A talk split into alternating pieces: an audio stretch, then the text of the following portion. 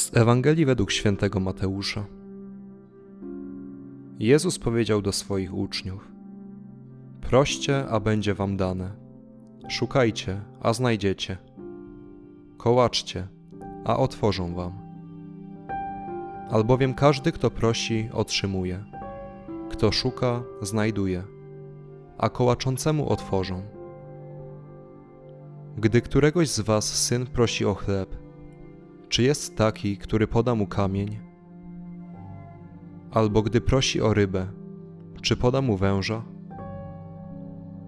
Jeśli więc wy, choć źli jesteście, umiecie dawać dobre dary swoim dzieciom, to o ileż bardziej Ojciec Wasz, który jest w niebie, da to, co dobre tym, którzy Go proszą. Wszystko więc, co chcielibyście, żeby Wam ludzie czynili, i Wy im czyńcie albowiem to jest istota prawa i proroków.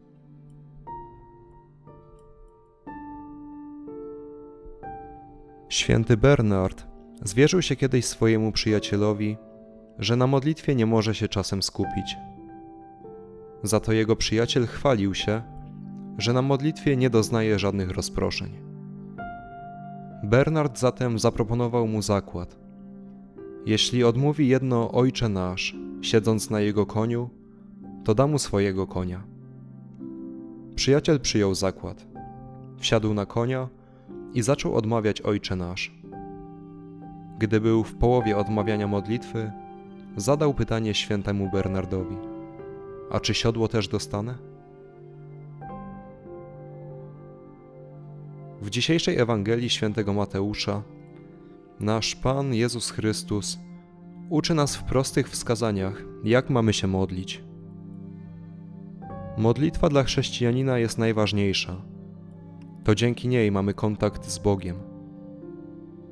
Choć pozornie do życia nie jest nam tak potrzebna jak powietrze czy jedzenie, to bez niej niewątpliwie skazujemy się na śmierć duchową.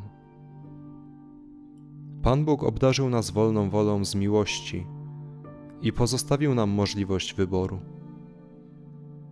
tak jak jest wiele programów w telewizji transmitowanych jednocześnie, a my możemy oglądać tylko jeden. Tak samo w naszym życiu musimy zdecydować, jaki kanał chcemy odbierać. Wybór jest prosty. Jest mnóstwo spraw, czynności i rzeczy na świecie, które nas odciągają od Boga. I na szczęście również są te, które nas do Niego przyciągają.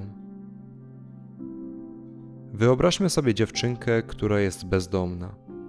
Żyje sama na ulicy i musi żebrać. Oraz wyobraźmy sobie drugą dziewczynkę, która żyje w domu wraz ze swoją kochającą rodziną, ojcem, matką, rodzeństwem, gdzie ma wszystko, co jej potrzeba. Ten niedoskonały obraz pokazuje, czym różni się człowiek modlący od tego, który porzucił modlitwę. Modlitwa przenosi nas w zupełnie inny stan. Środowisko, które pozwala nam żyć w obecności kochającego Boga, być szczęśliwym, mieć dostęp do niewidzialnych cennych darów nieba i osiągnąć zbawienie. Dlatego porzucenie modlitwy jest początkiem do zerwania połączenia z tym, co boskie i obwieszczeniem swojej samowystarczalności. Jednak nie należy się bać, że Bóg nas kiedykolwiek opuści, ponieważ to On szuka nas, zanim my o Nim pomyślimy. On puka do nas, zanim my zaprosimy Go do siebie. I to On kocha nas, zanim my Mu odpowiemy. Jeśli szukamy względów drugiej osoby, to jej to okazujemy poprzez dawanie jej coś od siebie. Może to być prezent, spotkanie czy komplement, dzięki czemu ta druga osoba również w podobny sposób chce się nam odwdzięczyć. Nie myślmy, że w naszej więzi z Bogiem jest inaczej.